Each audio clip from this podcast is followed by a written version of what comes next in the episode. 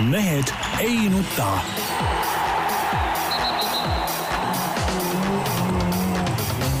mehed ei nuta. selle eest, et mehed ei nutaks, kannab hoolt Unibet, mängijatelt mängijatele. tere teisipäeva, Mehed ei nuta nagu ikka eetris, siinsamas Delfi suurepärases stuudios. Tarmo Paju tervist! Delfist, Peep Pahv. ütle tere ka. tere, sa pead ennem ütlema, kust ja siis ma ütlen tere. aga ma ütlen nii, niipidi Eesti Päevalehest ja, ja Delfist ja Jaan Martinson, tere. Eesti Päevalehest, Delfist, igalt poolt. nii ma alustuseks tahaksin küsida, Peep, kas ekspeaminister sulle telefonikõne on teinud? ei. ei ole, huvitav, kummaline. sellepärast ma mäletan siis, kui sa teda poisikeseks nimetasid, sündis sellest, noh, ma ei ütleks, et skandaal, aga torm veeklaasis. ja nüüd nagu selgub, et ta ta on- ongi. ongi täielik poisike. no absoluutselt jah, ja, ja ma arvan, et, et härra Taavi Rõivas peaks kindlasti Peebule helistama ja, ja, ja paluma nii-öelda vabandust, et, et solvunud oli selle peale, et teda poisikeseks nimetati. no nii on. no ei tea, võib-olla just võib öelda, et poisikesest on nüüd nagu mees missugune, missugune mees? Lasteaed ju. ei no lasteaial loomulikult jah, aga noh, tema vaatevinklist võib-olla just nagu, nagu, nagu on mehisemaks saanud. tead ei, mehisemaks ei ole saanud, ma noh, vaata, ma olen alati öelnud, et noh, kui võtad seal napsu mingi pidu, kõike võib juhtuda, eks ole, õhtul. jokis peaga ajad mingit käojaani, noh. hommikul ärkad üles, eks ole, võtad külma duši, siis tuleb kõik meelde, mis nagu oli, noh, isegi kui ei tule meelde, siis tuletatakse meelde, eks ole. Noh, siis katid ära kõik, kõik niimoodi lahtised otsad. elu läheb edasi. jah, elu läheb edasi, no mis sa ikka mm. siis teed. šampanja, vein. jah, milles asi, ma ei saa aru. vabandused mul.... mul on sõjaväest jäänud äh, elu lõpuni vist meelde see, kui meie praporšik sõimas läbi Rõžiku, kes käis ja te tegi külatüdrukule tite. niisugune punapea oli, hästi kena poiss oli jah. ja selle peale ta ütles, et так как писка встанет, сразу надо его куда-то сунуть. noh , noh , nii ongi . aga , aga kui nüüd äh, väga tõsiselt rääkida, siis tegelikult mul on kõige rohkem kahju Taavi Rõivase vanematest, sest niisugune käitumine ikkagi näitab, milline lastetuba tal oli, paraku. nii , aga räägime , räägime nüüd ikkagi nagu olulisemast asjast globaalses mõttes .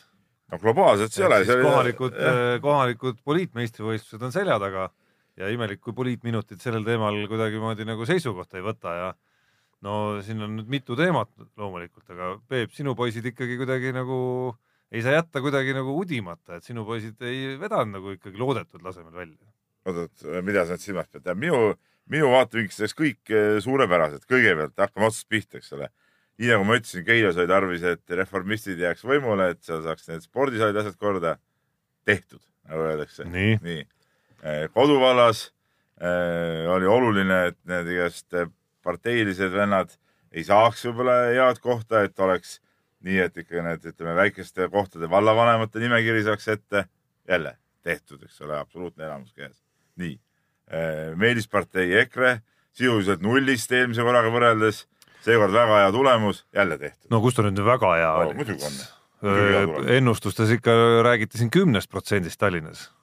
no ei no Tallinn ei ole kindlasti nende kant see, et nad said volikokku sisse Tallinnas on, on väga hea, nad said üle Eesti päris paljudes kohtades sisse, et see oli nagu, on nagu väga hästi, et et ega kohalikel valimistel noh, ütleme EKRE on, on ju niisugune partei, kus, mis on nagu üldpoliitiline partei, see on nad nagu kohalikule elule väga palju ju rõhku pole pannud, et selles no palju seal nüüd valiti selle järgi? selle kohalike asjade järgi Ei valitigi no, ainult kohalikke kas ikka valiti või? Teoorias muidugi peaks valima, aga kas tegelikult ka valiti? ma ei tea, mis siin Tallinnas teil toimus, eks ole, seda, seda ma ei tea, aga mujal kohtades igal juhul valiti, seda näitas ka see, et valimisliidud said nii palju hääli, see ongi see, et, et kohalikku asja tuleb ajada seal. et ma olen kogu aeg rääkinud, ma ka eelmises saates ütlesin, et parteiline eh, see, ütleme, programm tuleb jätta absoluutselt kõrvale kohalike valimised, loeb ainult No see sinu- mis kohalikku asja lubatakse. jaa, aga kui me valimiste eel kasvõi sinu poiste kümmet käsku lugesime, siis seal kohalikke asju väga ei olnud ju.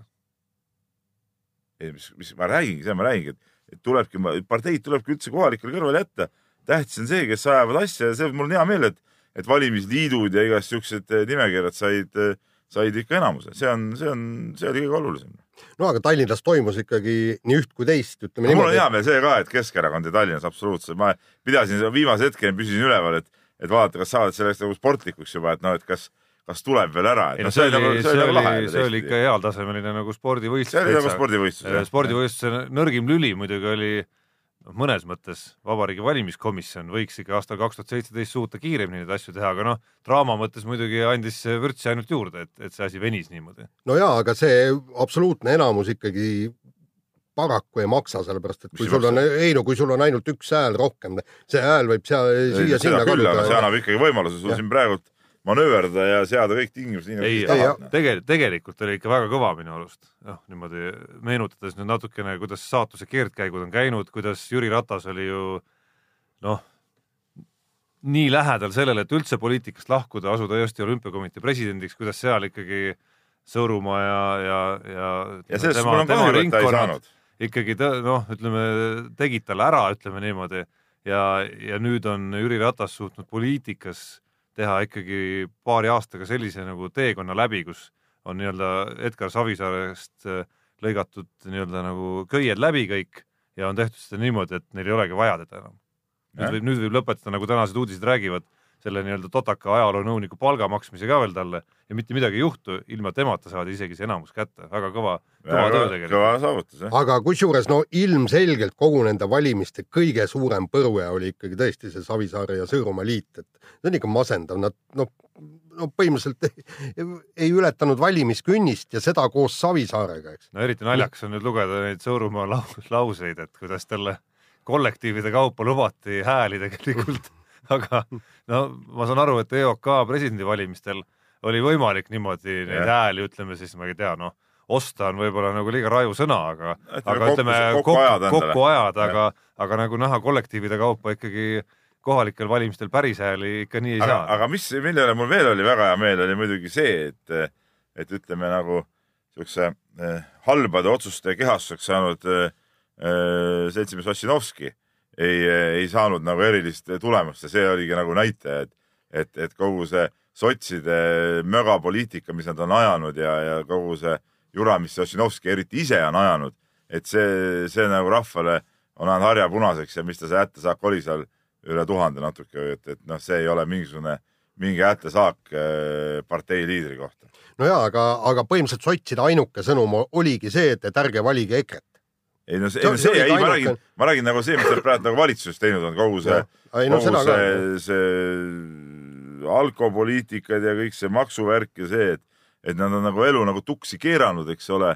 No ja, ja, ja nüüd see on, see on tulemus ja no vot ja, paras. jah, ja siin, kui nüüd Sõõrumaa teema lõpetada, siis, siis tegelikult tahaks väga teada, kas ei oleks mõistlikum olnud seda kolmesada tuhandet panna, panna Eesti sporti. noh, mõisal läks ka veel kuuskümmend viis vist sinna juurde. no täpselt, kolmsada kuuskümmend viis tuhat Eesti, Eesti sporti, pane kasvõi äh, noorte töösse, noorte sportlaste harimisse ja, ja vaata, vaata, kui see edevus on nii suur ja, ja soov nagu, nagu olla nagu pumba juures kogu aeg on nii suur, no siis, siis nagu kaine mõistus kaob ära ja siis hakataksegi seda raha nagu pilduma sinna-tänna, kui pole tarvis. no ja, ja kui, aga, aga kui ta on muude, ju pumba kusjuures kui juures. muude persoonide juures ei no on- ei no mis mõttes on pumba juures? spordipumba juures, see on kõige ei, olulisem jaa, ei, seda küll, ma räägin, siin on ju, noh, sa isegi saad aru, et siin on kohalikud värgid, need mingid koolivõrgud ja, ja asjad, et seal nagu pumba juurde jää, jäämiseks oli tema jaoks nagu oluline saada ka seal nagu, nagu võimu ligi, eks ole.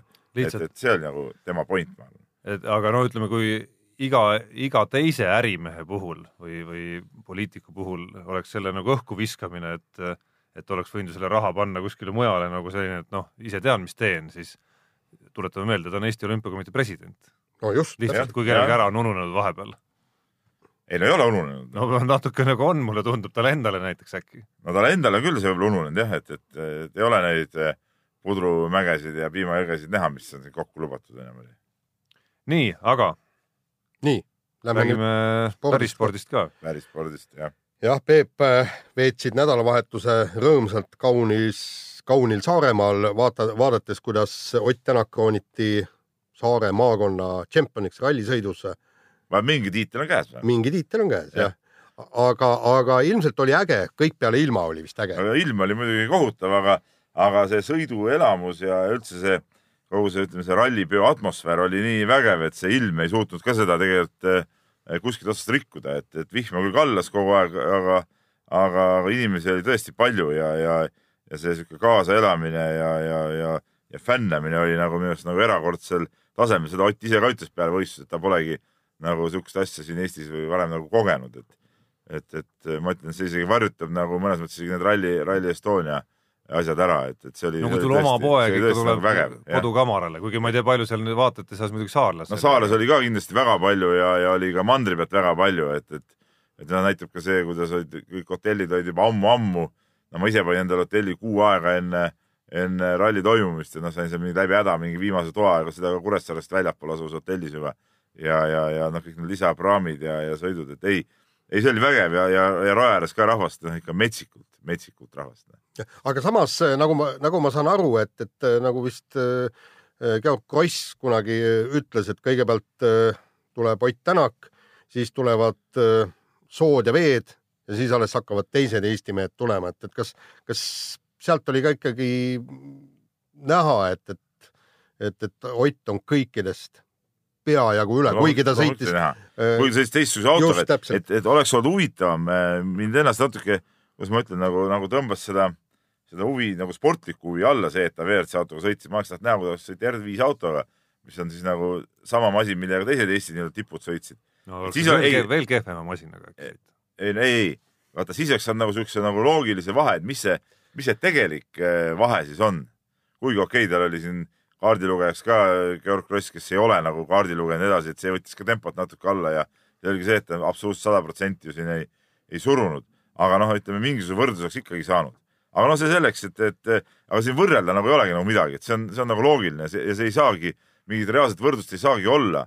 kui üks on MM-sarja teine mees praegu ja ülejäänud on siin, sõidavad Eesti sarja, no mida sa siin võrdled siis? no aga Peep, ma, ma ütlen, minu jaoks on see põhiküsimus on see, et, et kui meil oli Märtin, siis äh, üsna varsti tuli Tänak juba, juba hakkas pead tõstma ja, ja äh, oli talle äh, Märtinile nii-öelda mantlipärija olemas. Urmo Aava oli ka vahepeal. jah, ja Urmo Aava ja, ja, ja, ja minu küsimus ongi see, et, et kas praegu on kuskiltki paista öö, mantlipärijat Ott Tänakule?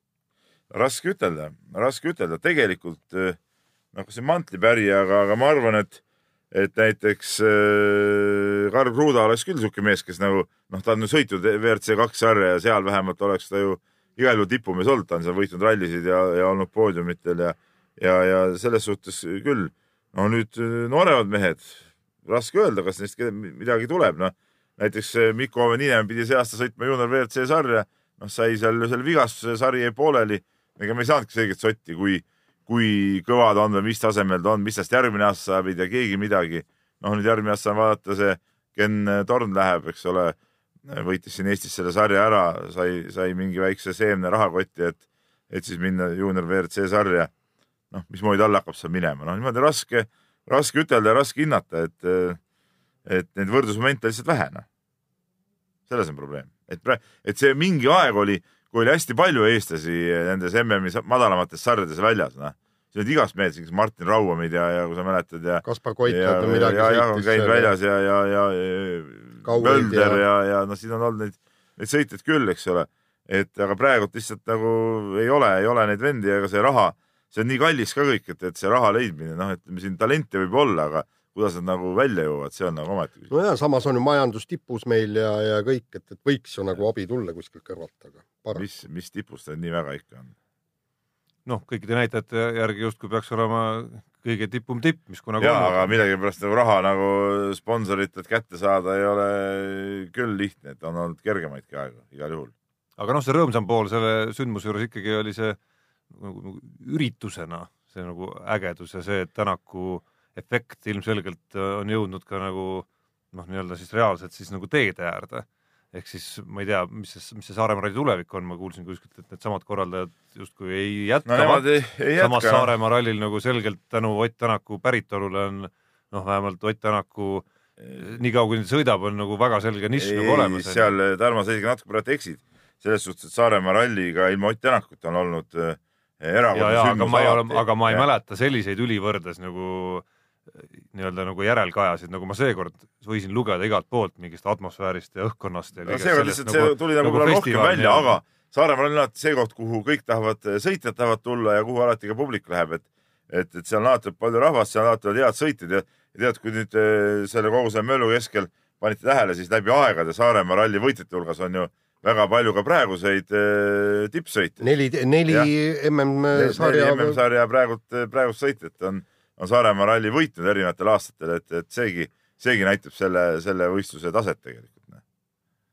et nii, nii, nii ta on, aga mis puutub Saaremaa ralli korraldajad, ega needsamad korraldajad ei ole ka viiskümmend aastat seda teinud, et, et see on, on käinud hooga, nemad võtsid selle üles, kui oli tõesti võib-olla natuke eel, ütleme eelmistel korraldajatel asi hakkas nagu käest libisema ja, ja võib-olla see korralduse tase. seal olid mingid turvaprobleemid. ja seal hakkas lonkama ja seal oli, oli probleeme küll, et nüüd need vennad on teinud ka üks kümmekond aastat, isegi natuke rohkem, et, et noh, võib-olla ongi hea isegi, kui, kui vahetub see korraldaja ja, ja, aga seda, et see korraldamata jääb, seda, seda ma ei usu.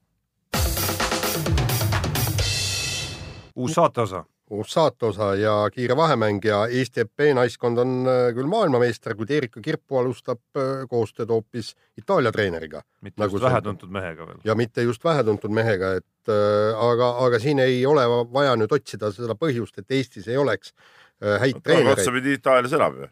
ta, üks asi elab otsapidi Itaalias muidugi teine küsimus on selles, et, et tema treener äh, Igor Tšikinjov on, on ühtlasi ka meestetreener ja, ja isa, kes ka teda treenib, noh, tema peab Tartus noori juhendama ja, ja see ongi see põhjus, et, et ei saa võistlustel kaasas käia ja sellepärast tuligi see itaallane võtta, aga vot see, siin nüüd tekib tegelikult see Eesti vehklemise väike probleem siin, et, et kui meil käivad need Tšikinjovid ja Kirpud ja Kotova, kes on Beljajeva treener ja Äh, Nelis Naukas, kes on äh, Katrina Lehise treener ja kui nemad käivad väljamaal võistlustel, siis jäävad ju oma lapsed treenimata.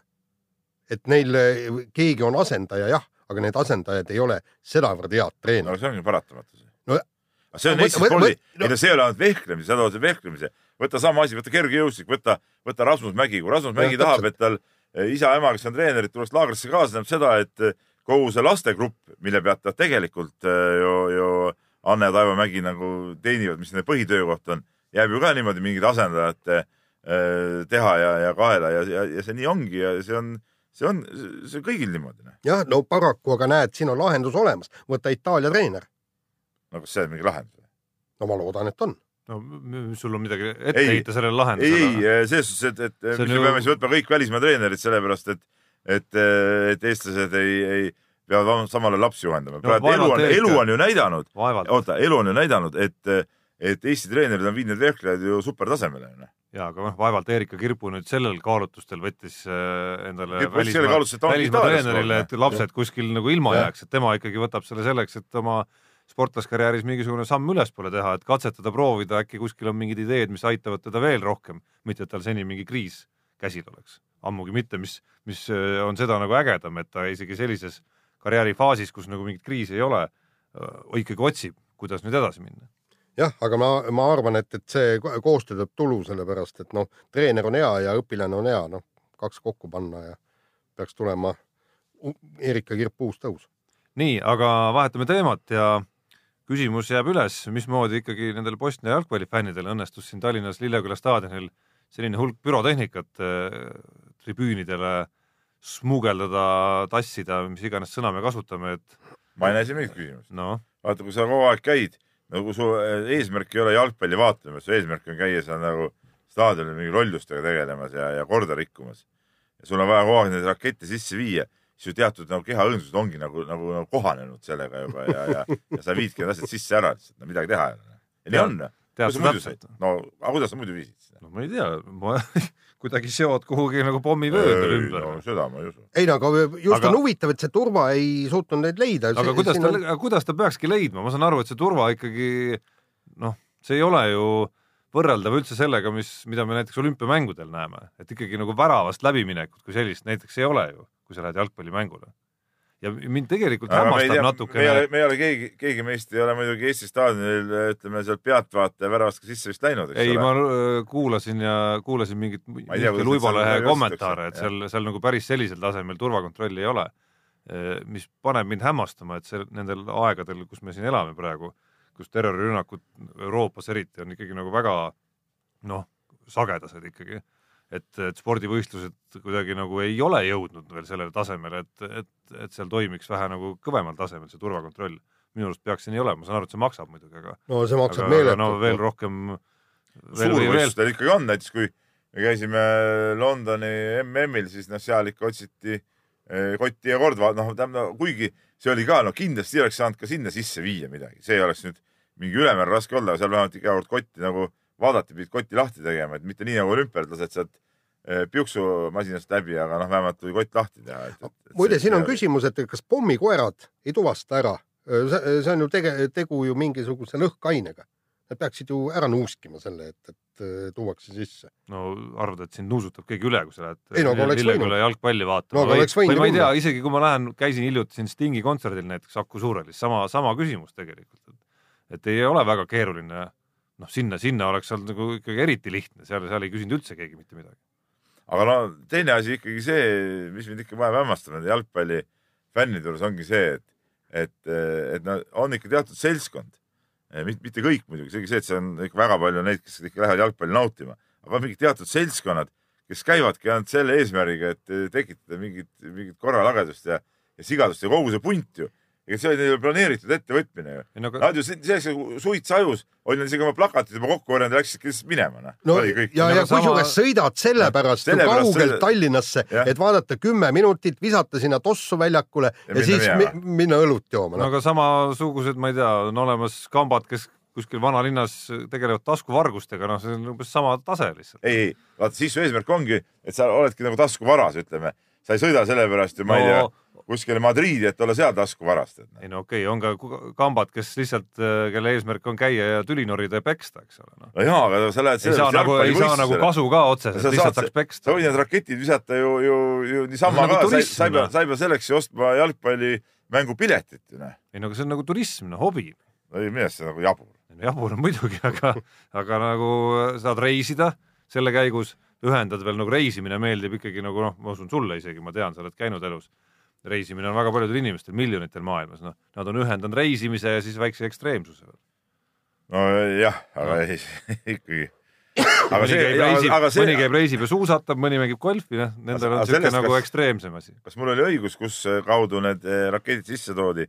üks, ma ei hakka nime ütlema, et üks inimene nagu juhtis tähelepanu, et kui kevadel eh, selle staadioni nurgas, kuhu need raketid visati, on muru nagu erakordselt eh, hästi tärganud, siis on selge, kust, kust august need raketid välja võeti. nii, aga läheme edasi järgmise teemaga ja, ja, ja tohho pime, vaat kus Sime, meie kuulus suusahüppaja Martti Nõmme eh, on öelnud, et tahab olümpial jõuda esikümnesse no ma usun, et tahab, kõik tahavad. mõni tahab äkki medalitki saada ja. ma arvan ka, et, et, et see on siuke lahja, lahja soov, et mis ta siis läheb, läheb võistluse starti mõttega, et tahan tulla kümnendaks, ei tahagi võita. jah, ja kui pärast esimest äh, hüpet on liider, siis teeb teise hüppe spetsiaalselt nagu kehvema ja sest et noh, et võita ei tahtnud, et tahtis kümnendaks tulla. jah, aga tegelikult noh, ütleme niimoodi, et, et äh, ma saan aru, et, et sportlane peab olema optimistlik, aga, aga minu meelest optimism peab ka millelgi põhinema, et praegu ei ole küll nüüd sina, Jaan, siis ei usu, sina, Jaan, kes sa alati nagu absurdsuseni usud nagu Eesti sportlaste võimalustesse, ütled nüüd niisugused sõnad.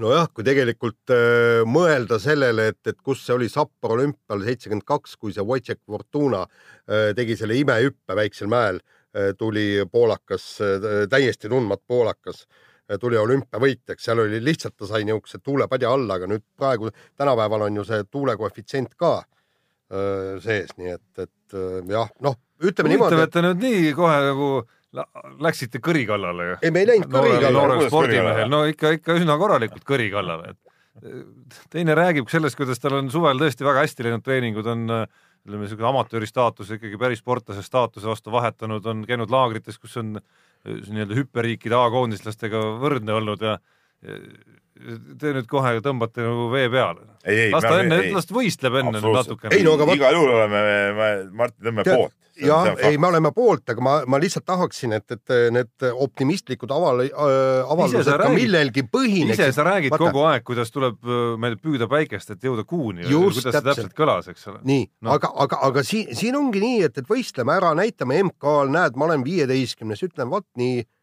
ma olen praegu viieteistkümnes, olümpial tahan olla kümnes. ja nagu küsitakse, mis su eesmärk sel hooajal on see ongi tal saada esikümnesse, noh, siis väga, väga hea, et tal on see eesmärk.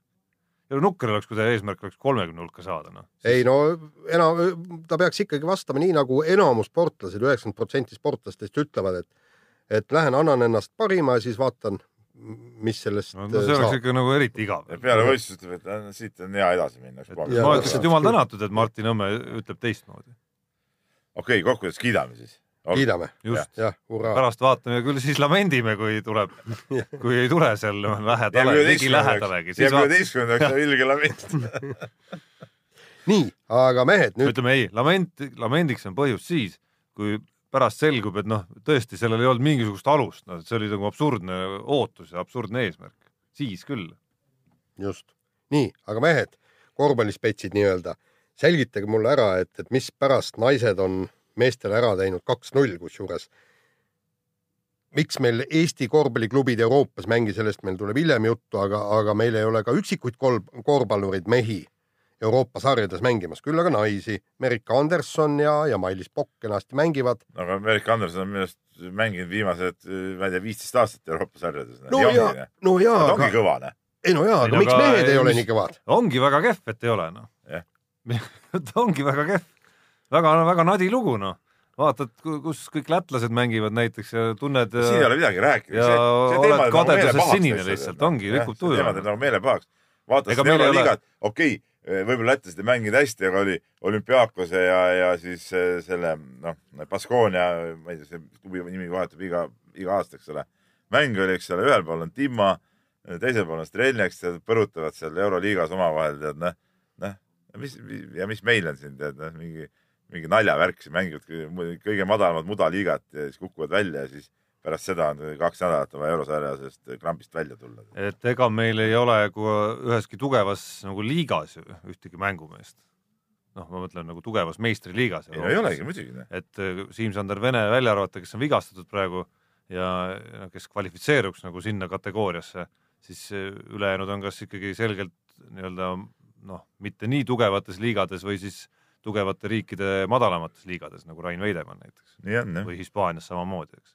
noh, sealt on näha õnneks nüüd, et on potentsiaalseid vendi, kes ma arvan, kolme-nelja aasta pärast selle tühimiku võib-olla No, täidavad, no onju, aga aga selle aja tahaks kõigepealt ära oodata üks, üks asi muidugi, mis selle vahemängu teemaga jäi meil siin nädal või oli see kaks juba tagasi, aja arvamine on sassis, jäi nagu täiesti puudutamata tegelikult siin saates ja mis ma arvan, oli natukene ebaõiglane, puudutas muidugi seda naiste korvpalli kui sellist meil ja seda teadet eh, ja seda, mis Eesti nagu kodusel kamaral naiste meistrivõistlustega on juhtumas ja, ja sellest, kuidas Rapla äh, naiskond on ka pildilt kadunud täielikult ja mis tähendas ka, et mitu koondise tasemel naist kadusid ühtäkki meil korvpallist ära. ma siin tahaks rihmutada et see nukrus, et see nukrus sinna nagu ühest küljest on tore küll, Mailis Pokk ja Merike Anderson, aga teisest küljest on nagu päris nadi lugu ikkagi. tegelikult siin, siin on nagu, nagu korvpalliliit on küll nagu rihma väärt, sellepärast et lasti siuksed asjad juhtuda.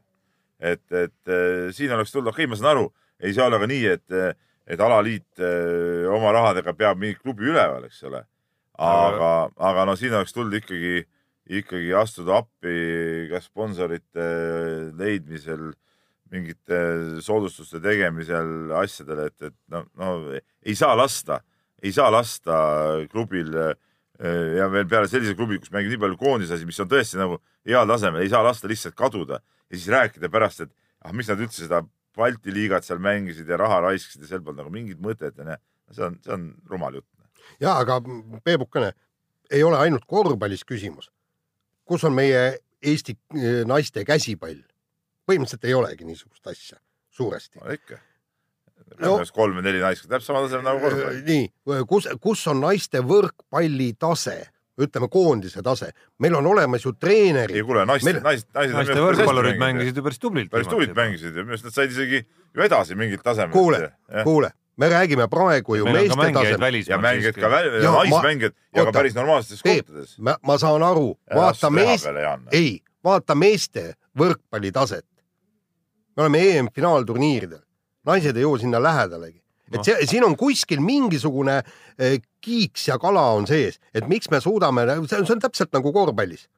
see on täpselt nagu korvpallis erinevalt. nagu me kogu aeg toome selle Läti näite, kus meeste korvpall on küll ülikõva, eks ole, naised jõudsid ka MM-ile nüüd ju. noh, just, seda ma tahangi öelda nii. on lihtsalt noh. seda, seda, seda ma tahangi öelda ja Jah. korvpallis ka noh.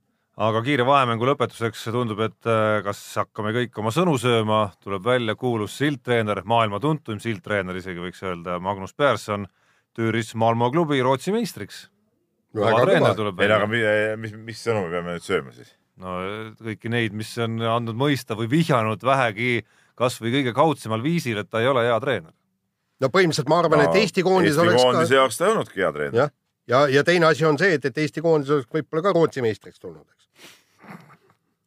aga, aga, aga, aga nii põhimõtteliselt totakat vastust ma pole ammu, Jaan ma ei on pidanud isegi tuntud, mõtlema sellele, Jaan mida on- sa nüüd ütlesid. Jaan on tuntud selliste vastuste poolest, aga seda ammu ei olnud jälle kuulnud. jah, aga noh, Eesti koondisega hakkama ei saanud, noh, siis mängidki kuskil madalamas liigas ja oled maga-, mada-, madalama keskkonna treener. No ei no jah, seda küll, aga ma ütlen veelkord, et, et see, kui inimene on klubitreener, hea ei tähenda seda, et võib olla ka hea koondise treener, noh, seal on ju need ettevalmistusprotsessid on erinevad ja, ja need ütleme, see tööpõhimõte üldse, et mis ajaga sa pead mingid mehed mängima panema, need on hoopis teistsugused ju. et see koondis, sa saad mehed seal kätte paariks päevaks eh, enne mängu, sa pead kiirelt seal asjad ära lahendama, noh, see, see ei ole nii lihtne, kui sa teed terve hooajalise ettevalmistuse, mõtled selle läbi hooaja, sätid seda taktikat ja oled kogu aeg meestega koos, see on hoopis midagi muud. just. aga mis Eesti jalgpallikoondist puudutab, siis selle teema juurde me tegelikult veel naaseme täna. Läheme kirjade juurde. nii, ja, ja kirjade rubriik, kirju on seekord päris palju, seekord on täitsa siukseid, kuidas ma ütlen, nagu mõni kiri võtab kukad kratsima, et, et, et ei saagi nagu aru, mida siin nagu on tahetud ütelda, hakkamegi ühe siukse kirjaga pihta, Ants, kusjuures sulgudes mitte see, kes tavaliselt, no seda ma saan kirja stiilist juba aru, sest et see, seda Antsu, kes tavaliselt meile kirjutab, seda Antsu me tunneme kõik väga hästi ja, ja, ja, ja saame aru, et, et see kiri kindlasti ei ole ei ole selle Antsu kirjutada, aga, aga jutt on siis äh, rallist ja, ja sellist meest nagu Georg Kross ja kirjutab siis Ants, et mul on jäänud Eesti spordiajakirjanduses mulje, et Georg Kross on äh, sulgudes tubli Eesti sportlane ja, ja siit toob välja mingid pealkirjad, kus Kross võitis seda ja toda ja nii edasi, eks ole. aga äh, siis tuuakse välja, et aga äkki võiks keegi ausalt ütelda, et nii-öelda kuningas on alasti et kui Georg Kross vaevu-vaevu võidab rallisid, siis ei tähenda seda, et ta on parim rallisõitja, vaid tal on lihtsalt noh, siin on see lollilt rikas isa ja siis tuuakse täitsa absurdne näide, et see on umbes sama nagu oleks neljasaja meetri jooks staadionil, kus kõik alustavad finišijoonelt. nii et esimene rada, kus stardib siis äh, Georg Kross, kui kaheksas ja kaheteistkümnes, et sinna üle, noh, et, et peaks nagu siis selle võrra nagu siis vähem, vähem äh, jooksma. no tegelikult äh, ma tahaks öelda seda, et siin toob veel see näite ka, kus Georg Kross ütles, et tal oli kaardilugejana Ott Tänaku kõrval nagu, nagu hirmus sõita, et, et no kuidas, kuidas saab üks ralli asja, rallisõitja sellist asja öelda. et, et kui EOK võiks anda välja aasta mittesportlase tiitli ja, ja siis see võiks, ma saan aru, kuuluda Georg Krossile, ma tahaks öelda Ansule seda, et eh, sa oled ikka mingitest asjadest natuke valesti aru saanud, et eh, Georg Kross on tegelikult äh, Eesti mõistes on ta ikkagi väga hea sõitja, seda esiteks, eks ole. et okei okay,, see aasta sõitis WRC autoga, ta on muude autodega siin sõitnud ja, ja, ja väga hästi sõitnud. teine asi see, et äh, ei maksa unustada tegelikult äh, tema äh, ka isiklikku panust äh, Ott Tänaku, ütleme maailma jõudmiseks, okei okay,, loomulikult tema isa Oleg Kross on see vend, kes on seda raha pannud ja kõik, aga Georg Kross loobus mingil aastatel üldse sõitmisest, sellepärast et kogu raha, mis selle alt vabaneb, lähekski Otile, et Ott saaks eh, maailma minna, see oli siis, kui oli see Oti tagasituleku hooaeg, nii et, nii et selles suhtes eh, ma võtan küll Georg Krossis nagu mütsi maha, et ta on aidanud nagu teate Eesti rallisporti päris palju ja see on nagu ülekohtune kirjutis, aga ma tahtsin selle nagu välja tuua, et Ja- see kirjutaja saaks ise ka aru, et ta on valel teel. ja, ja kusjuures Kross on ju ise ka öelnud, et maailma mõistes ta ei ole suurem asi rallisõitja, see on ka põhjus, miks ta ju, ta saaks ju käia ka väljaspool kasvõi ERC-d sõitmas või WRC, ma ei tea, R5-ga või kõik, aga ta ei lähe, ta on lihtsalt, tal on see rallisõit siiski rohkem nagu hobi see on tema jaoks hobi muidugi, muidugi, loomulikult. no ja keegi polegi väitnud kunagi, et ta on Eesti parim sõitja, ei, seda muidugi ka mitte ja ise samuti mitte. nii äh,. Lauri kirjutab meile ja, ja küsib meil võrkpalli kohta, mis te arvate, et kas Gretu võtab mõne meie koondise ka endaga äh, kaasa, sest teadupärast Gretu sai äh, Venemaa tippklubi peatreeneriks ja, ja, ja viis sinna ka siis nii-öelda selle statistiku Rikbergi ja, ja nüüd ongi noh, täna täna just uudis ju oligi, et Robert Tähte on, on Gretu noolimas. jah, nendel on omavahel ka hea, hea sihuke suhe olnud ja, ja, ja miks ka mitte, see oleks ju päris kõva, kui saaks, saaks eh, siuksesse klubisse ka mees minna ja, ja seal Gretu käe all mängida. noh, ütleme niimoodi, et see oleks jällegi samm absoluutse tipu suunas paraku, sest Venemaa ja Itaalia liigad nagu teata, teada on, on, on maailma tugevamad. jah, noh jällegi üks, Peep on siin alati olnud välistreenerite vastane, ma ei olegi kuulnud kunagi, kas ta Gretu kontekstis on kuidagi nagu tunnistanud selge sõnaga, et ikkagi äh, õige samm sai tehtud kunagi, et, et välistreener toodud siia. aga see on üks, aga see on üks, arengus toimunud, tulemuste arengus on toimunud mingi edasiminek aga see on üks, üks minu arust selliseid nagu alahinnatud äh, faktorid alati selle välistreeneri juures ka veel noh, et me näeme, milline Gretu kasu on olnud mõne konkreetse Eesti mängija karjäärile. ei okei okay,, kindlasti kasu olnud, aga ma ütlen nii, et eh, ikkagi ma alati eelistaksin omi treenerid ja peale selle, ega tulemuste poolest ju ütleme, ütleme EM-finaalturniir on see tulemus, seal ju kõrgemat kohta ei ole ju saadud, et pidama jääd ikka samas kohas, kus Kaavo Keelega jäädi.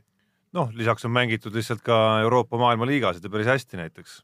ei no see maailm mängib hästi jah, aga kui me räägime sellest, no see oli küll ka mudaliiga et, ma, ma, ma Et- mingi, ma noh. mingit progressi siiski nagu tunnistaks. aga No ma ikkagi, ütleme niimoodi, et viimane EM ühtegi võitu e. Aavo Keel sai vähemalt ühe võidu kätte, Gretu ennem ka eelmisel EM-il sai ka ühe võidu kätte, nii et, et paraku. nii, nii paraku on jah. ei no ongi see, ongi nagu huvitav äh, vaadata, mis no meil tuleb teemaks ka see, see Läti võrkpallikoondis ja see nende vastasseis, aga võtaks kiiresti veel siia lõppu äh, küsimuse. Reigo küsib ja, ja kiidab meie supersaadet, aga tal on küsimus mulle, mida arvad sellest, et on kavas lihtsustada ka e-sportlaste sõjaväekava? See on absurdne. ei, ma ei tea, debiilsus. rohkem ma ei kommenteeri. kusjuures minu arust on see selles mõttes pseudoteema. ma ei saanudki aru, kust see üldse välja ujus eelmisel nädalal. minu arust ei ole tegelikult sellist kava üldse või sellist nagu plaani. et eh, kui ma võib-olla eksin, kas see, kas mitte ei olnud, et üks tehnoloogiaportaal hakkas uurima, et kas võiks ka olla nii, et e-sportlased saaks ka sinna spordiroodu. aga ma nagu vastusest väga ei lugenud välja, et selline plaan üldse olemas oleks. aga võib-olla ma eksin natukene, ma ei tea, äkki sa- süvenesid rohkem sinna. kusjuures seal on tegelikult vastupidi, need e-sportlased peaksid minema üleüldse, tähendab sõjaväeteenistusse kindlasti ja teine asi võib-olla on sõjaväeline karjäär ka, sest vaadata ei no ma arvan, Kuhu- et eh, sellistest meestest oleks sõjaväes nagu Just tuleviku täpselt. mõttes kõvasti kasu. absoluutselt, ma, ma ei ole kindel, mitu aastat sinna on, aga võib-olla sõjad varsti peetaksegi kõik selle ekraani taha. ei, juba need- praegu peetakse, kõik need eh, sellid tulebki sinna sõjaväkke saata. Ütleme niimoodi, et praegu juba droonide sõda käib ja, ja ma arvan, et, et vend, kes on harjunud arvuti taga juhtima igast öö, vägesid asju saage aru, spordiga ei ole seal midagi pistmist. ja ei seda küll. Siin teab üks, üks Jaan Kuusma kiri on, mida ma natuke pärast tsiteerin, siis kui me jõuame Eesti korvpalliklubide teema juurde. nii, aga lähme praegu siis muude teemadega edasi. nii äh,, Aavo Keel, meie kuulus võrkpallitreener äh,, valiti Läti võrkpallikoondise etteotsa ja väga kõva klausliga, et olgu meeskond viidud EM-finaalturniirile või siis vaatame edasi, kas sa oled üldse pädev meil töötama. aga, aga aga väga kõva. omadele ei sobinud enam, võõrastele sobib. jah, ja kusjuures Eesti ja Läti lähevad ju ühes alagrupis ka veel. see on nagu, see on nagu vägev värk, tead noh. et tegelikult on ta karm värk. no Karmer, aga tegelikult ma ütlen see, et Eesti mees sai ühe võõra riigi eh, pallimängukoondise peatreeneriks, see on ikka päris eh, meie jaoks ka tegelikult ikka, ikka ülikõva asi. ja, ja meil kusjuures on, no ei ole ju siin midagi vastu panna sellist. ja kusjuures Läti ei olegi nii kehv, ta oli, ta jõuab ju ilusasti, on play-off'i jõudnud ja mängis ju Eestiga just täpselt jah, sai tappa ja ei võib-olla kehv võistkond. jah, just, teisest küljest ta on selline nagu pool kodumaa, pool välismaa, et liiga on meil ikkagi ühine juba aastaid ja pikki aastaid selles samas liigas noh, Eesti võrkpall ja Eesti klubid on nagu mäekõrguselt ajaloo nagu ajalugu kokku lüües ikkagi nagu üle olnud lätlastest, et et väga loogiline, et lätlased esimese hooga hakkavad kohe vaatama oma lähinaabrite poole. sama, mis võib-olla me võiks võib-olla mõnel muul alal teha näiteks, kui meil vajadus ja ei, ei seda kindlasti, aga, aga noh. noh, nagu Läti korvpalluridki on siin ei, Eestis muidugi. ju mänginud päris aga palju., aga fakt kui selline, mängib ka Läti võrkpallurid Eestis ju, Eesti klubides ka ju on mänginud ja meil on, muuseas, meil on ju ka üks lätlasest klubi peatreener Eestis teadupärast, Mm -hmm. Austus Staats, Selveris ütleme, et, et nii on, et, et neid, ütleme see risti-rästi küll, aga, aga ikka, ikkagi kõva asi minu arust. et, et koondise peatreeneriks sai ja mina küll selle poolt, et tal läks seal väga hästi. ja aga, aga, aga siit, siit tulebki just see nii-öelda moraalne dilemma, eks, et, et ütleme nüüd tõesti, kui, kui lätlased mängivad Eesti üle, kas me siis rõõmustame, et jess, Aavo Keel tegi väga head tööd, tegelikult tuleb ju rõõmustada. põhimõtteliselt ma ütlen nii, kui Läti võidaks Eestit, siis ma väga kurb ka ei oleks. just seesama pärast, et siis see näitaks, et Aavo Keel on kõva vend. peatreener, nii ongi. et seal nagu, no seal on väga kaks, raske nagu ühe ja teise poolt olla. no aga siis ongi kaks teemat korraga seal noh, mida, mida tulebki üksteisest eristada. Ühest küljest me hakkame analüüsima ja mõtlema, mis on kõik viltu meil läinud, et Läti on vist mööda saanud, olgu see, kas see on mingisugune äh, treeneri küsimus või see on mingi laiem küsimus, kas meil on mängijatega mingi probleem või ei ole või noh, ja siis teisest küljest rõõmustame siis selle üle, kuidas Aavo keelel läks. jah, no nii ongi. nii, aga teemavahetus, järgmine teema. pidu läbi, Eesti korvpalliklubid eurosarjaga õhtal, hooaeg pole õieti alanudki veel, aga BC Kalev Cramo ja Tartu Ülikool mõlemad on Euroopa areenilt väljas. no kurb, selles suhtes on kurb, et, et äh, ma saan aru, et ega sellise võistkonnaga muidugi noh, oleks olnud ka palju tahta, et nad see eh, Tartu meeskond oleks seda Türgi satsi võitnud, eks ole. et see võistkond on liiga õhuke selle jaoks. aga kurb on lihtsalt sellepärast, et meil nagu ei ole nagu äh, nii-öelda eurosarja tasandil ei ole kellelegi kaasa elada ja, ja see ongi seesama, see kirjamoment ka, mis ma tahtsin siit korraks esile tuua, mis Jaan Kuusma meile kirjutas ja ja, ja, ja toob siin välja ka eh, meenutuse siin hooaegadest kaks tuhat seitse, kaks tuhat kaheksa, mil Tartu Rock mängis Permi Ulagreidiga ja, ja, ja samal järgmisel aastal pääseti Balti liiga Final Fouri ja, ja milline see, see asiotaaž ja, ja millised ere, eredad mälestused selle, sellest ajast on nagu, nagu Tartu korvpallist just väljaspool Eestit, eks ole, et, et oli kodumäng, siis nad seisid sõpradega eh, tunde enne mängu algust vanas spordihoone pikas ja ootasid saali laskmist, eks ole. ja, ja kusjuures oli mänge, kus ulatus inimeste järjekord spordihoones vanast uksest kuni ujula Konsumini. no mäletan minagi neid aegu, kui tõesti see oli, oli vägev, vägev värk ikka, aga viimastel aastatel on see, on see kokku kuivanud ja, ja, ja no viimase euromängi seal noh, kergejõustik Reinil, okei, ma saan aru, remont käib ja kõik väiksed tribüünid ja, ja oli tõesti ka vähe rahvast ja, ja siis see Jaan küsibki, et, et kas need ajad ongi jäädavalt läbi, et kas see ongi Eesti korvpalli paratamatus, et kui raha ei ole, siis ei ole ka taset, ei ole ka pealtvaatajaid, noh. Noh, päris, päris õige küsimus. jah, noh, ühest küljest ma nagu Tartu kiituseks ütleks nii palju, et, et Tartu on ikkagi järjekindlalt alati igal aastal, kui see üks kunagine mingisugune totter vaheaasta, mingisugune asi, mille see Välja üli, ülikooli spordiklubi juhid välja mõtlesid, kui see välja arvata, siis on alati ikkagi läinud ja, ja tegelikult ka pärast seda väga legendaarset hooaega, kus jõuti Final Fouri, on nii mitmelgi hooajal ka, ka ütleme pärast seal Kullamäede ja nende põlvkondade lahkumist ja teinide lahkumist on noh, jõudis seal isegi play-off'i, eks ole, ühel aastal. kui Jah. ungarlastele kaotati üks-kaks, et, et isegi mängis mingid aastad minu arust natukene üle võib-olla oma, oma tegelike võimete seal. et see noh, minu see, ma nüüd kordan ennast muidugi hirmsat moodi, aga minu see nagu rohkem see esimene mõte läheb ikkagi selles suunas, et miks VTB liiga kõrvalt Kalev Cramo ei, ei järjekindlalt nagu ikkagi ei taha püsivalt eurosarja mängida, noh, sa eelmine kord tõid välja või oli see üle-eelmine kord, et et viiskümmend tuhat oleks maksma läinud see, et sel aastal ikkagi isegi kui meistrite liigast välja kukutakse ja mängitaks, siis vähemalt seda madalamat sarja, kus koht tegelikult on olemas. ma arvan, et see oleks olnud täiesti hästi kulutatud viiskümmend tuhat, olekski võinud noh, nüüd praegust koosseisu vaadates seal olla no see on muidugi nüüd kõigile väga lihtne sihtmärk, seesama Subotic seal, kelle vastu mul ei ole tõesti midagi, aga kui ma vaatan praegust Kalevi komplekteeritust, siis eh, ma usun, et tema peale umbes sellises suurusjärgus summa võibki minna hooaja peale. noh, ma arvan, et ma väga palju ei eksi. ma arvan, et ilma temata mängida eurosarja oleks olnud päris mõistlik lahendus. saaks ka seal võib-olla Madis Soodlad ja, ja poisid rohkem mängida, mis eh, nagu Tartu pealt näha oli, on täiesti ju tehtav ikkagi. Võid isegi panna Barrolit väljakule ja midagi ei juhtu otseselt selle kolme minutiga. no, jah, selles suhtes õigus, et, et võib, võib panna neid mehi väljakule ja olude sunnil Tartuga pani noori mehi ma arvan, väljakule, et sellest sünnib kasu ja, ja, ja tulemust veel ei tulnud, aga siin on, peabki seda vaatama, et, et okei okay,, võistkonnale oli see selline olukord äh, mõnes mõttes kahjulik, eks ole, et, et tõepoolest näiteks samas kodumängus mängisid, no ma Parolitsi juurde isegi ei arvesta praegu seal ütleme kolme, kolme noort meest, Rosenthal, Kivi ja Eelmäe pööritati põhimõtteliselt ühe koha peal, mängisid kokku kolme peale seal üle, üle kahekümne minuti kõvasti. aga noh, punkte tuli ainult kaks, eks ole, et võistkond on see kahjulik, aga nendele kuttidele endile nagu individuaalse arenguplaanis oli see, et nad said siukses mängus nagu osaleda ja, ja ka välismängus seal. see on ülikõva asi, eks ole, nüüd ongi see küsimus, kuidas nad suudavad seda, seda kasu nagu en- enda kasuks veel ära pöörata nagu. et, et sellisel moel, kui me tahame, et meil eurosarjades tulevikus oleks rohkem teha ja, ja me ei peaks oktoobri keskpaigas rääkima, kuidas see läbi on.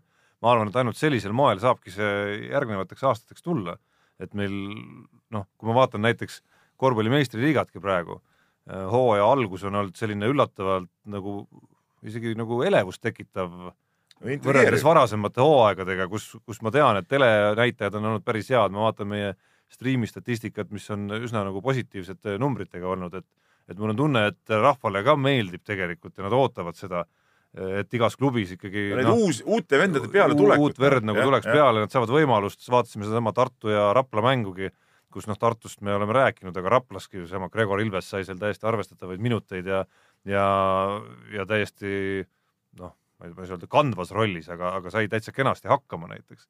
et, et just nende sammudega saavadki tulla minu arust need, need äh, arenguhüpped. aga paraku siit kõrvalt pilgust äh, võiks öelda, et see ühtlustumine on toimunud taseme languse ei, tagajärjel, seda küll. aga mitte taseme tõusu. ja sellega ma olen nõus, Jaan, et tegelikult üldine tase on ikkagi eh, nagu kehvemaks jäänud ja, ja see on, see on kõik õige, aga no võib-olla kannatame selle üks-kaks aastat ära ja kui need kutid saavad jalad alla, et siis see tase uuesti tõuseb. aga mis mind paneb hämmastama, ongi see eh, nii-öelda, nende kohta ma ütlen ju jutumärkides korvpallifännide eh, nagu käitumine, eks ole, et kes tulevad saale nüüd siis, kui on mingi, ma ei tea, nii-öelda suur mäng, kuskilt midagi suurt on saada, siis on kõik näpud püsti, eks ole. aga, aga õige, õige spordihuviline on võistkonnaga siis, no see võtame siin ka Inglismaa jalgpalli asjad. Ka siis käiakse just hetkel, kui komanda on kehva ja, ja välja langemas, eks ole. et, et miks, kus see Tartu inimesed praegu on siis? ja see ei ole ainult Tartu probleem, see on nagu mujal ka, eks ole. et, et rahvast on saalides tegelikult ikkagi nagu, nagu liiga vähe. aga, aga, aga jällegi, kui vaadata seda probleemi lai, laiemalt, siis kui me mängisime hästi eurosarjas ehk Tartu, siis tegelikult ju meeskond põhines oma Eesti mängijatele. Eks te, aga, te, aga ta nii, põhines ikkagi sellel nii-öelda eelmisel põlvkonnal, mitte Just, seal on, ei olnud jaa. kand, kandjateks mingid uued Nii. värskelt peale tulnud mehed, seal Just. olid kandjateks ikkagi, kui mäletame seda legendaarset Permi Ural Greati alistamist, siis kandjateks oli seal, esmakandjaks oli Gert Kullamäe seal selles mängus.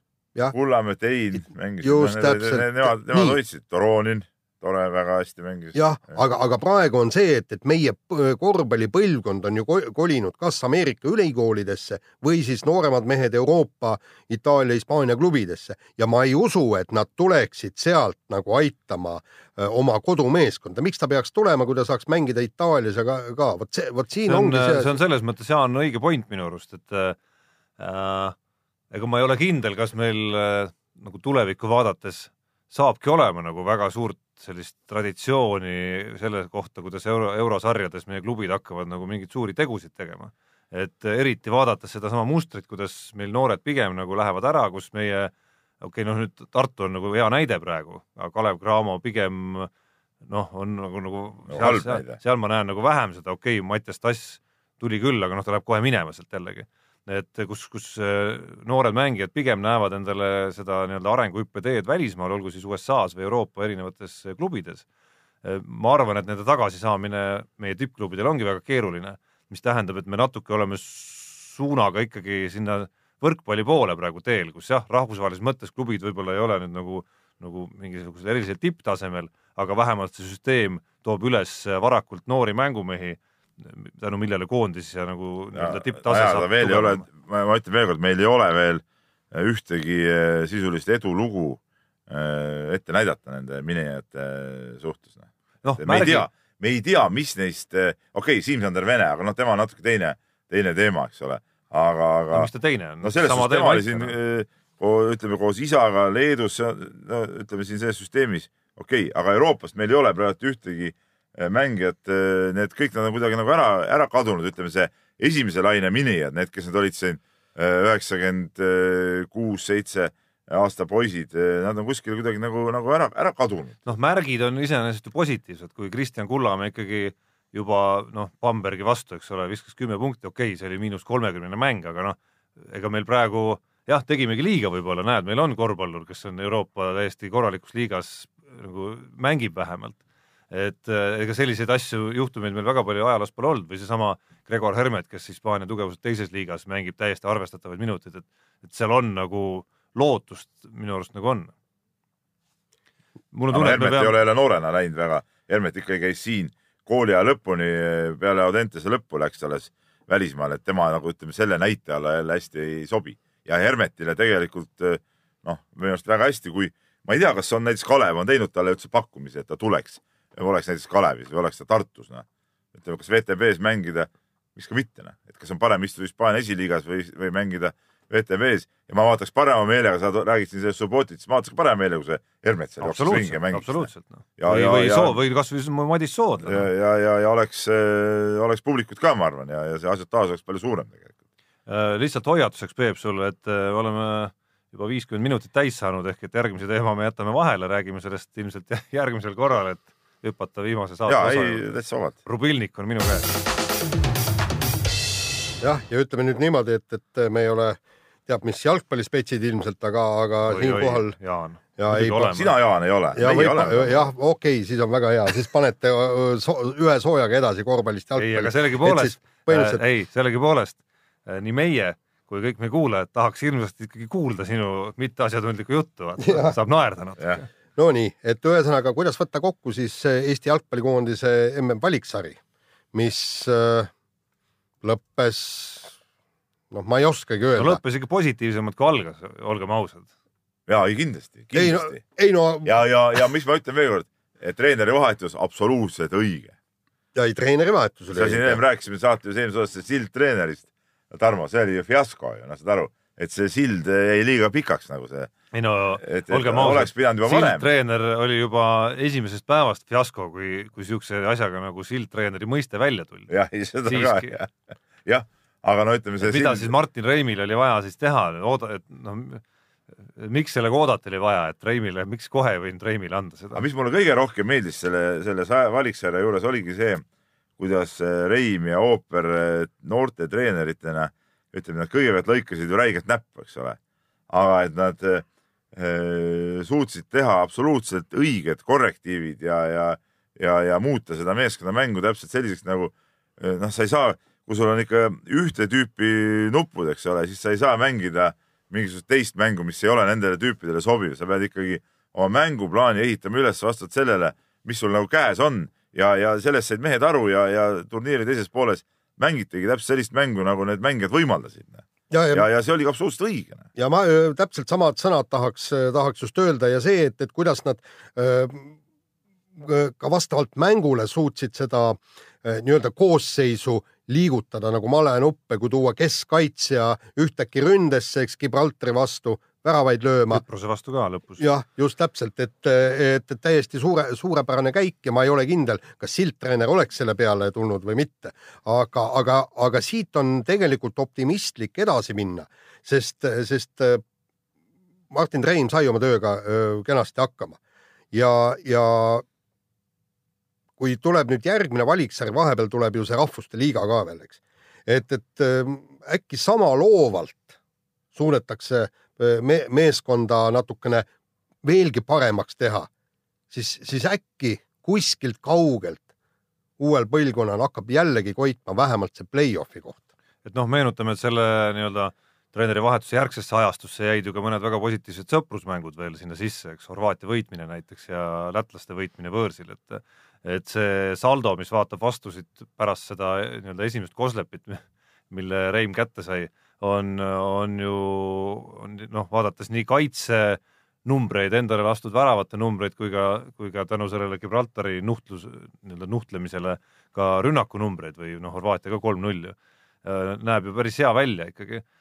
kui siit veel edasi vaadata, siis noh, tahtmata nüüd kuskile nagu lasta ennast ära kanda, sest igal juhul soosikuteks me ei saa kunagi seal ükskõik mis grupis me seal mängime valikturniiril, siis äh, eelseisva tsükli osas ei peaks ülipessimistlik ka samas olema, et meil on see põlvkond, kus Ragnar Klavanid ja Vassiljevid ja äh, Jäägerid veel mängivad, noh, on veel ikkagi alles, peaks olema. kuigi Ja, kuigi ilmselgelt suhteliselt- hakkab see ära, ära, ära vajuma. aga veel on ja samas on juba jõudnud natukene nüüd veel peale et jõuavad koos mängida veel, ma ei tea, Mattias Käit ja Konstantin Vassiljev, ütleme siis, või, või Joonas Tamm ja Ragnar Klavan, noh, sellised mehed jõuavad veel koos mängida. et äh, sealt Käidi ja ütleme, üheksakümnendate keskpaiga põlvkondadest samas nagu väga suurt laviini ka ei ole jällegi peale tulnud, mis, mis, mida oleks vaja selleks, et mingisugune hüpe teha. aga kas, kas peabki laviin tulema, et kui seal tuleb öö, ükshaaval No, vennad tulevad ja, ja minu arust jalgpallikoondises on see, on see, ütleme, see ring ja see koosseisude, ütleme, muutumine ja mängijate muutumine on suhteliselt loomulikku teed öö, käinud ja, ja sinna on tegelikult vaikselt ju neid uusi mehi peale tulnud, keda, keda võib-olla noh, kellest ei oskagi nagu nii väga midagi arvata, aga lähed, no ma käisin näiteks vaatamas seda viimast mängu Bosniagi vastu, käisin staadionil.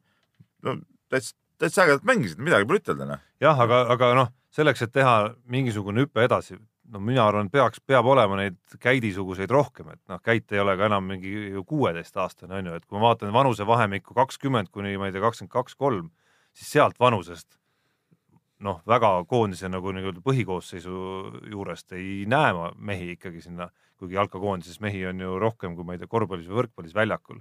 Et selle võrra võiks neid mehi seal natuke rohkem paista, et seal üheksakümmend kolm ja sellised vanuseklassid on juba esindatud, aga see on juba kakskümmend neli, eks. kusjuures, kui me vaatame, millal jällegi need tipud on meil Eesti koondisse saanud, noh, Ragnar Klav on kaheksateist, eks ju. et, et see ongi see kogu aeg, vot ma üritan Joonas Tamm ka sinna vahele on üheksakümne, üheksakümmend kaks sünniaastaga näiteks. ja, ja, ja, ja, ja siinkohal ma tahangi jällegi öelda, et, et see on nagu korvpalli näitel ka, et, et enamus parimatest mängijatest tulevad ikkagi verinoorelt koondisse enamus, aga mitte kõik. ja mitte kõik just, aga enamus siiski, aga, aga jah, noh, sa, saab näha, ütleme, et, et see Rahvuste Liiga on kindlasti tuleb äh, väga põnev ja, ja järgmine valiktsükkel. kaitse me oleme pidama saanud, nüüd on ainukene asi, et, et kuidas nüüd rünnakule pall kaasa võtta ja siis vastaste väravasse lüüa.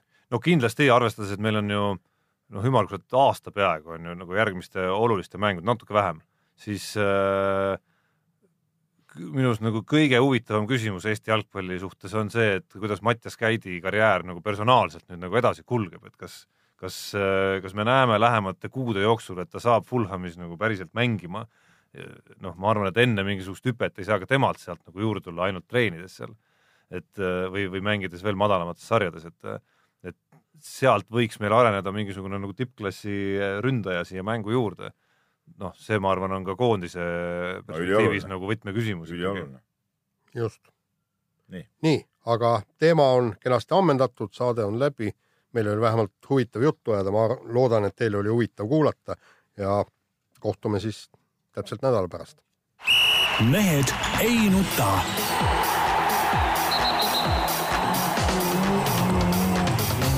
Mehed ei nuta